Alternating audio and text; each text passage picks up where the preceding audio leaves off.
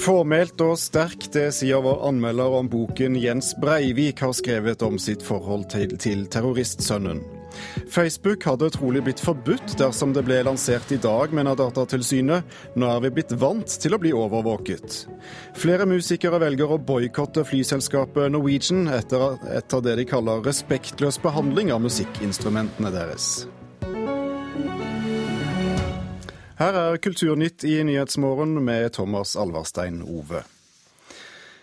Anders Behring Breivik blir grundig avkledd i farens bok. Det mener forfatter og journalist Kjetil Stormark, som fulgte 22.07-rettssaken tett. I dag lanseres Jens Breivik eh, sin bok 'Min skyld en fars historie'.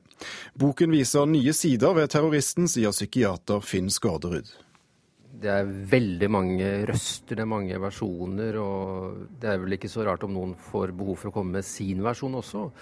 Og i tillegg så er det vel interessant å få en fars perspektiv når han endog mener at uh, han kan på et eller annet vis uh, ha en slags skyld i noe av dette. Det sier psykiater Finn Skårderud, som fulgte 22.07-rettssaken mot Anders Behring Breivik. I går fikk mediene tilgang til boka som forteller farens historie om hvordan sønnen kunne ende opp som massedrapsmann. Skårderud ser fram til å lese boka, hvor Jens Breivik bl.a. skriver at han burde gjort mer for sønnen.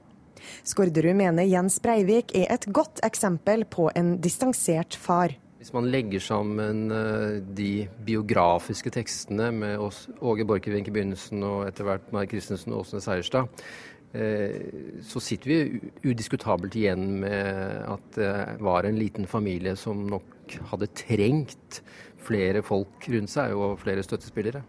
I går kom det mange reaksjoner på innholdet i Jens Breiviks bok, som har fått tittelen 'Min skyld en fars historie'.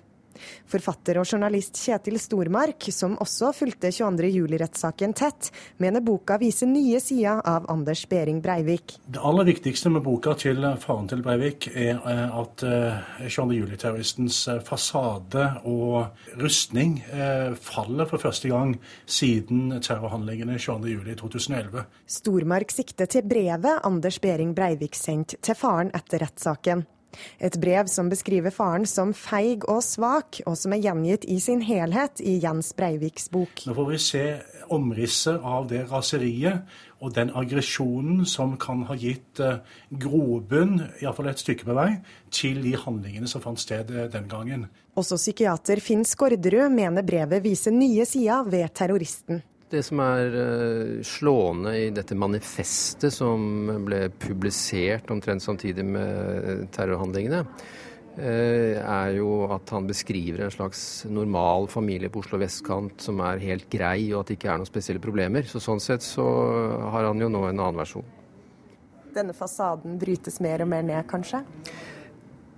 Den er grundig revet ned gjennom flere bøker for lengst. Skårderud mener det er viktig at alle sider ved Anders Behring Breiviks historie kommer fram. Jeg tilhører de som mener at vi skal snu hver stein, vi skal vente på flere bøker, det skal skrives flere romaner, det skal lages skuespiller, det skal lages filmer, og det vil bli flere også biografiske tekster. Og jeg mener det, det er riktig.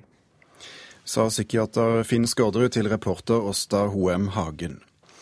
Anmelder Shabana Remon Gaarder, du har lest eh, denne boken for oss. Eh, hva slags bilde får vi av forholdet mellom far og sønn her?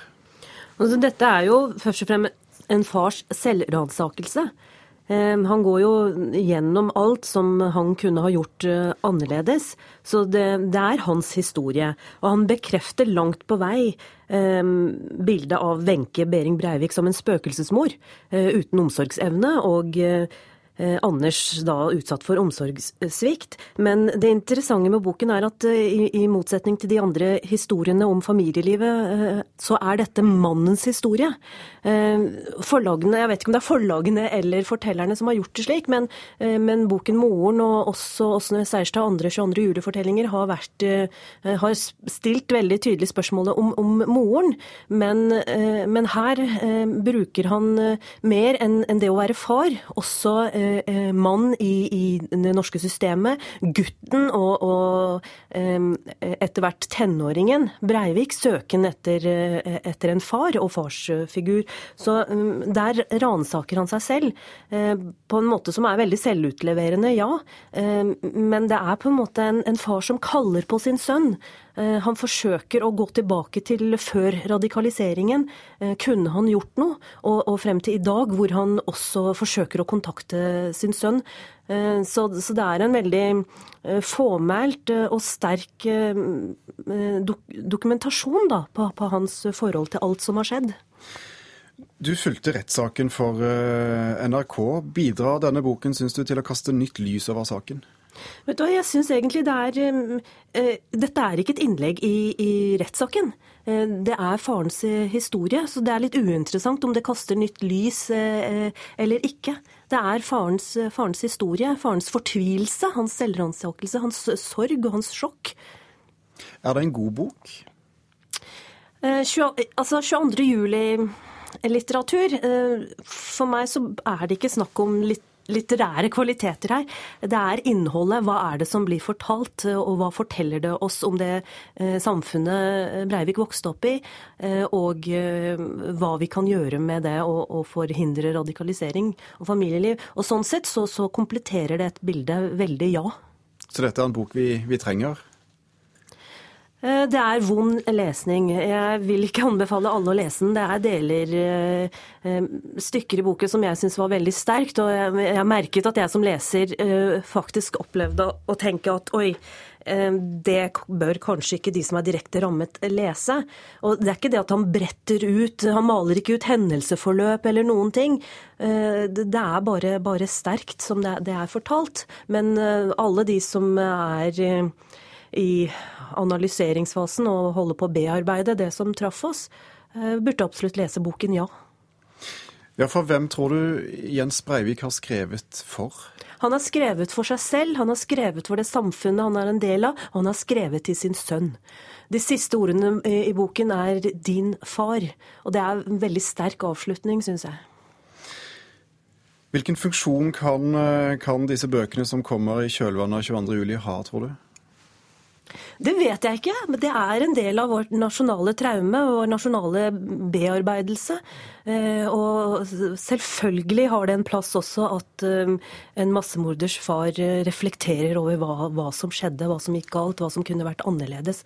Selvfølgelig hører dette med til denne fortellingen. Shabana Rehman Gaarder, tusen takk for at du kom til Kulturnytt og anmeldte boken til Jens Breivik.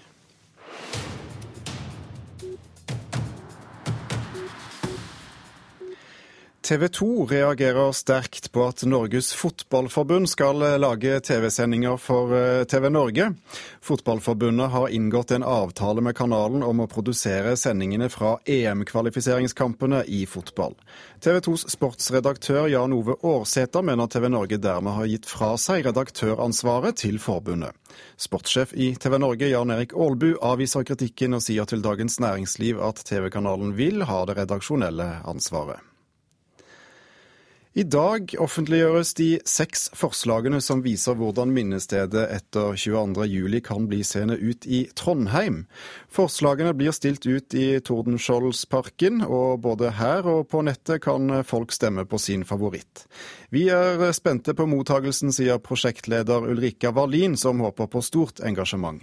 Det er ganske varierte uttrykk. Eh, noen har tatt inn naturen i ganske stor grad og forvandlet parken.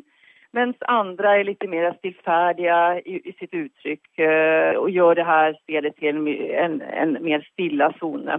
Hvordan tror du oppslutninga vil bli? Nå har vi jo seks konkrete forslag. Tidligere har vi prøvd å fått, eh, fått innspill til prosessen og sånt. Da, og det er jo vanskeligere, men seks konkrete forslag tenker vi at eh, det vil være litt lettere å komme og, og si sin mening om. Da. Nå er det noe mer konkret enn hva det var tidligere. Da. Sjefredaktør i Kvinner og klær, Gyri Helen Werp, beskyldes for dobbeltmoral etter at hun ga shoppingråd om piratkopierte vesker.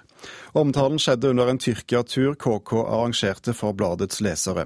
Forkastelig, mener advokat Thomas Gaarder Olsen, som er ekspert på varemerker og rettigheter. Eh, Gyri Helen Werp sier til Dagens Næringsliv at hun beklager hvis dette er blitt oppfattet som reklame for kopiprodukter.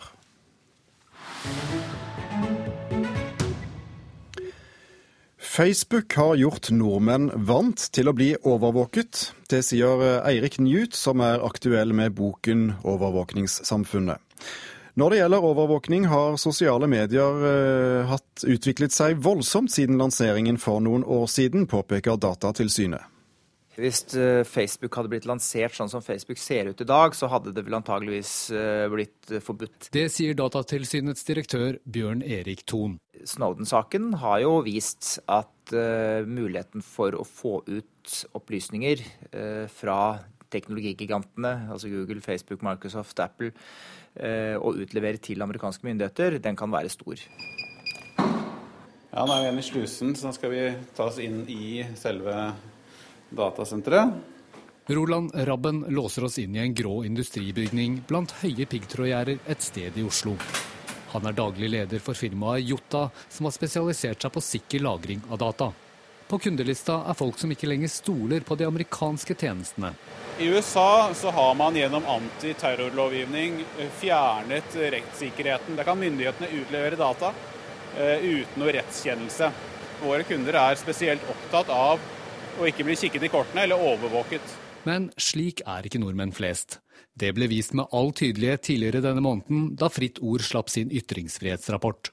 Hele to av tre nordmenn svarte at det er greit å bli overvåket på sosiale medier ved mistanke om et nært forestående terrorangrep. Altså En av de tingene som Snowden avslørte, var jo nettopp hvordan grensen mellom privat og offentlig overvåkning er i ferd med å viskes ut. Sier Eirik Knut, som er aktuell med boka 'Overvåkningssamfunnet'. Facebook og lignende tjenester har gjort nordmenn vant til å bli overvåket, sier han. Jeg tror at eh, det på mange måter kan ha bidratt til at eh, vi i større grad aksepterer det. Og, det er jo rett og slett fordi at det er så åpenbart at sosiale medier driver med overvåkning. Så jeg sier av og til at sosiale medier er litt som sånne påvirkningsagenter for overvåkningssamfunnet, om man vil. Det sa Eirik Knut til reporter Petter Sommer. Du hører på Nyhetsmorgen i NRK P2 og Alltid nyheter. Klokken har blitt kvart over åtte. Nyhetsoverskriftene nå. Flere ekstreme islamister er pågrepet i Australia etter en omfattende antiterroraksjon. En planlagt terroraksjon på åpen gate skal ha blitt avverget. Få sosialklienter klager på avgjørelser fra Nav. Georg Grønning i foreningen Fattig-Norge mener sosialklientene møter motstand hele veien når de klager. Og i dag bestemmer skottene seg for om de vil bli selvstendige. Og i de siste meningsmålingene viser at eh, nei-siden har en liten ledelse. Men mange velgere har fortsatt ikke bestemt seg. Flere musikere boikotter flyselskapet Norwegian og oppfordrer sine kolleger til å gjøre det samme. De er rett og slett redde for å ta med seg kostbare instrumenter på reise med Norwegian. Gitarist i Åge Aleksandersen og sambandet Skjalg Råen har opplevd det. Personell på flyet har bare tatt instrumenter til flerfoldige 10 000 kroner og slengt det ned gjennom slakta. Keyboardisten til Shining, Marion Ravn og Anne Grete Preus, Erik Tofsrud Knutsen, har sett det. En fiolin som ble sendt i gang ned i den sjakta. Også artist Ida Jenshus har opplevd skrekken for en musiker, nemlig å få instrumentet sitt slengt ned i bagasjesjakta ved gaten uten forvarsel. Det blir jo liksom en nervepirrende flytur, og øh, instrumentet er jo på en måte en forlengelse av meg sjøl, så jeg satt her og beit litt negler. og var spent på hvordan det gikk. Nylig var begeret fullt for Jenshus, som på sosiale medier nå oppfordrer sine kolleger til å boikotte Norwegian. Jeg vil oppfordre felles medmusikanter til å velge annet flyselskap enn Norwegian når de flyr med instrument. Musikerne er, eh, farter mye og reiser mye og trenger forutsigbarhet. Nestleder Kristin Haagensen i Musikernes Fellesorganisasjon har også fått en rekke tilbakemeldinger fra sine medlemmer. Mener Norwegian gjør det ekstra vanskelig for musikere å reise på turné. Ja, Det sier seg sjøl. Det er jo uholdbart. Dette er jo ikke ting de har med seg for moro skyld. Det er jo arbeidsverktøyet deres. eh, Og for store verdier. Og dette er det de trenger for å kunne gjøre den jobben de faktisk skal gjøre. Absolutt en problemstilling som vi tar alvorlig, og som vi håper Norwegian også kan ta alvorlig. Det gjør vi i aller høyeste grad. Informasjonssjef Lasse Sandaker Nilsen i Norwegian liker svært dårlig at artister oppfordrer til boikott. For regelverket er klart på hvor stor håndbagasje passasjerer, inkludert musikere, kan ta med inn i flyet. Men vi eh, gjør det vi kan for å tilrettelegge for passasjerene. Og da er det mange som eh, får lov til å ta med seg gitaren sin om bord, så fremt det er plass i hatthyllene. For det er jo ikke sånn at vi kan eh, be vanlige passasjerer med vanlig håndbagasje om å kvitte seg med sin håndbagasje i tilfelle det kommer en musiker med gitaren sin. Det tror vi de fleste forstår. slik at eh, for å være på den sikre sida, så oppfordrer vi eh, passasjerer som har eh, instrumenter som overskrider den normalstørrelsen, om å enten bestille eget sete til eh, gitaren sin, eller å sende den som spesialbagasje. God ettermiddag, damer og herrer. Jeg tror ikke jeg har Norwegian én gang i år uten at det har vært et eller annet styr. Ifølge gitarist Skjalg Råen i Sambandet har Norwegian vært en snakkis blant musikere på turné den siste tida. Ja, som sagt, problem med innsjekk og utstyr som ikke skal være med, og folk som ikke vet hva det koster å sende ting. og Det blir jo nevnt jevnlig. Hvis de ikke vil ha som kunder, så skal de da slippe. Vi ønsker jo eh, musikere velkommen om bord på samme måte som vi ønsker alle andre passasjergrupper eh, velkommen om bord. Og eh, jeg tror nok mye av det også kan være basert på enkelthendelser. I en ideell verden så skulle vi hatt en ekstra hatthylle for eh, musikere og gitarene deres, men sånn er det dessverre ikke. Men snart kan flyselskapet bli nødt til å tillate instrumenter i kabinen. Et nytt lovforslag som styrker musikerens rettigheter, er under behandling i EU. Og den går på at man skal kunne ha lov til å ha med seg eh, instrumenter inn i flykabinen. Og dette skal gjelde alle flyselskaper. Sa til slutt Kristin Hågensen i Musikernes Fellesorganisasjon til reporter Torkil Thorsvik. Mot naturen har vært på festival i Toronto og skal til festivalen i Berlin. Nå kommer den på kino over store deler av landet. Den første kinofilmen til Ole Giæver ble også lagt merke til der ute. Han henter alt stoffet sitt svært lokalt, men det appellerer hvor som helst, mener vår anmelder Einar Gullvåg Staalesen. Det enkleste kan være mest innholdsrikt. Det dokumenterer Ole Giæver med filmen som kom til Toronto og som skal til Berlin mot naturen. Det samme viste han i sin forrige film, Fjellet. Den er også enkel utenpå. I Mot naturen er han på fjellet igjen. Der tenker han høyt om floker og lysninger i livet, i rollen som Martin. Han løper og observerer og kjenner på duftene og friheten, mens han bearbeider alle tankene som har stuet seg i eget hode. Der er det fullt.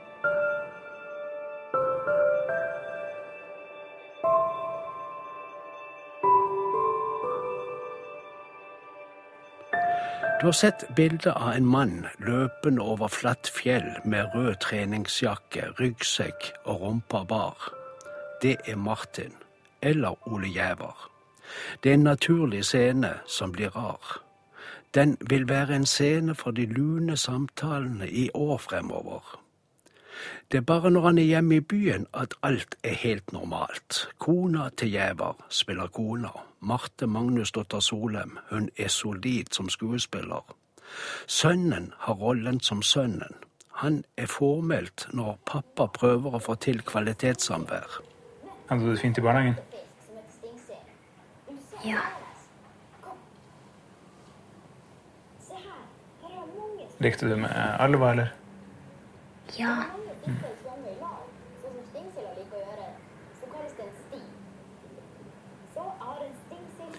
Typisk. Sivert Gjæver Solem heter gutten i barnehagealder. Filmen legger ut løse tråder i mange farger. Ingen er røde. Ole Gjævers tanker spriker mer enn våre, og de er frodigere. Derfor er det underholdende å leke med motsetningene og sammenhengene. Hos denne regissøren, som selv skriver alt han gjør av film. Så kan Kjersti komme forbi og titte inn og bli så våt i fitta at hun ikke vet hvor fitta hennes er. Hun tror kanskje at hun står i en flod eller at butikken er oversvømt, men så er det bare fitta som er våt. Gjæver er sjokkerende fri for hemninger. Han er et paradoks. Også Martin-typen er så ordentlig og veltrent og virker så borgerlig at vi ikke venter oss slikt snakk. Det er overraskende å finne det fra Ole Gjævers tankeverden også. Kanskje jeg bare skal bli med på byen. Det hadde vært så deilig å bare drikke seg skikkelig dritings og ikke tenkt på hva man holder på med. Så kunne jeg danse med Kjersti. Og så kunne jeg invitert alle med på nachspiel hjem til meg. Ole Giæver har sagt at filmen ikke er et selvportrett. Vi sier den er i hvert fall personlig. Det personlige går ikke så mye på hva som sies og tenkes, men måten det tenkes på mens livet løpes. Han uttrykker seg annerledes enn andre i filmlandskapet vårt. Jeg føler meg sikker på at den filmen Ole Giæver lager om ti år, vil være gjenkjennelig som hans. Kos dere og hils de andre. Martin. Perfekt.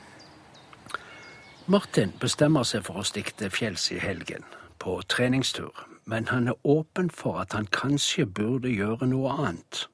Valget er ikke motivert av at to jenter også har lånt nøkler til samme turistforeningshytte samme helg, tror vi. Først tror vi ikke at det bidrar til å forme fantasiene hans heller. Kanskje det gjør det, kanskje ikke. Einar Gullvåg Staalesen anmeldte Mot naturen, som har premiere i morgen. Det er et problem for bevaring av det sørsamiske språket at det knapt nok finnes barnebøker på sørsamisk. De bøkene som finnes er stort sett samiske sagn og historier. Men nå har fylkeskommunen i Nord-Trøndelag tatt grep og trykker populær barnelitteratur på sørsamisk i Hongkong. Saivijävresne göleminje, iktlegan gökte sämje, gevaran völkegan, etchigan minnet gølet. Aktelei boarjes, gi ditte muppe nåre. Lærer på Sameskolen på Snåsa, Tone Larsen, leser tradisjonell samisk barnelitteratur for Mia, Jonna, Jonanta, Hilma og Jon. Du først. Nei, øh, det handler om øh, de skulle fisk. Og så fikk ikke de noe fisk. Så sa han gamling at han visste om en sjø der de kunne ha fisk. Ja. Der, der hvor det var mye fisk. Og hva skjedde videre da? Nei, Da for de til sjøen der, og så sa gamlingen at han skulle være stille, så han skulle få fisk. Men der unge fyren, han kunne ikke ja, være stille. Så hele tida når han skulle ut og ro med not, så, så sa gamlingen at han skulle være stille. Men så klarte ikke han å være stille, den unge fyren. Så hele tida når han fikk en full, da for alt ut igjen. For han ikke klarte å være stille. Og ikke noe galt sagt om tradisjonell samisk barnelitteratur, men vanligvis er det jakt, fangst, fiske, sagn, eventyr og overtro det handler om. Jon Anta og de andre sørsamiske barna ønsker å lese noe annet på sitt eget språk. Harry Potter og sånn. Mm, det er artig, så vi kan lese morsmålet og lære oss mer. For det er ikke alle samme som kan, å, ja, kan å lese og prate samisk. Er det noe spesielt du ønsker deg på sørsamisk, da? Nei, egentlig ikke. Jo, øh, spill. Videospill. Det er rart jeg hadde på sørsamisk. Fylkeskommunen i Nord-Trøndelag har ikke bare sett behovet for flere sørsamiske barnebøker, men har òg gjort noe med det. De har nå begynt å utgi sørsamiske bøker for barn. Morten Olsen Haugen ved fylkesbiblioteket er glad han kan gjøre en nydyrkingsjobb som virkelig betyr noe. Det som, er, det som har blitt veldig tydelig for oss etter hvert som vi har begynt å jobbe med det her, er at det største problemet med sørsamisk som språk er at unga mangler bøker i det hele tatt. Og Derfor har vi begynt å se på forskjellige andre måter å lage mye bøker, for, mye bøker for pengene. Og Foreløpig så er det spesielt to teknikker vi bruker til det. Det ene er det vi kaller løse oversettelser. Hvor vi betaler oversetterne og gjør avtaler med forfatterne. Og så istedenfor å trykke bøker, så deler vi ut oversettelser som PDF-filer som foreldre og lærere kan lime inn i bøkene. Da slipper vi å ha bøker liggende på lager, slipper å sende bøker i posten. Vi får bare oversettelsene spredd raskt dit de trengs. Og Den andre arbeidsformen det er eh, det vi kaller samtrykk, altså at vi samarbeider med forlag i England og legger eh, oversettelsen oppå på en produksjon som lages sammen med flere andre språk. Og De bøkene lages faktisk, de er made in Hongkong. Og det er veldig gøy, syns vi, da, at samisk barnelitteratur nå kan få en ny vår made in Hongkong. Og vi bruker selvfølgelig de beste oversetterne som finnes til sørsamisk, og vi er opptatt av å rekruttere og utvikle flere oversettere. Men eh, i denne runden så er vi opptatt av å lage annerledes, eh, litt fancy barnebøker basert på populære engelske motiver. Det sørsamiske språket er utrydningstrua. Kun 2000 personer snakker det, de fleste bor i Midt-Norge. I diktet sitter Ronja Røverdatter utnøtt, sæming gjelesne. Og giakten damunnene, soptstiakten igjen. Eili manne. I dattene. Ja, her skjønte vi på slutten at eh, barna i hvert fall ønska seg Ronja Røverdatter på sørsamisk. Reporter på Sameskolen på Snåsa var Solvår Flatås. Vi tar med til slutt at kjendiskokker er eh, provosert over at Bama har skjerpet skjønnhetskravet til norske poteter. Kravene har ført til at flere potetbønder har fått opp mot halvparten av avlingen vraket. Dette er rett og slett tåpelig, sier mesterkokk Kari Innerå til Nasjonen. Bama sier norske poteter må bli penere for å kunne konkurrere mot importerte poteter. Og da runder Kulturnytt av. I denne sendingen har du bl.a. hørt at boken Jens Breivik har skrevet om forholdet sitt til terroristsønnen, er formelt, men en sterk historie som kanskje ikke alle bør lese. Og flere musikere boikotter flyselskapet Norwegian og oppfordrer sine kolleger til å gjøre det samme pga. måten de behandler musikkinstrumenter. Denne sendingen ble laget av produsent Espen Alnes, teknisk ansvarlig Lars Tronsmoen og her i studio Thomas Alvarstein Ove.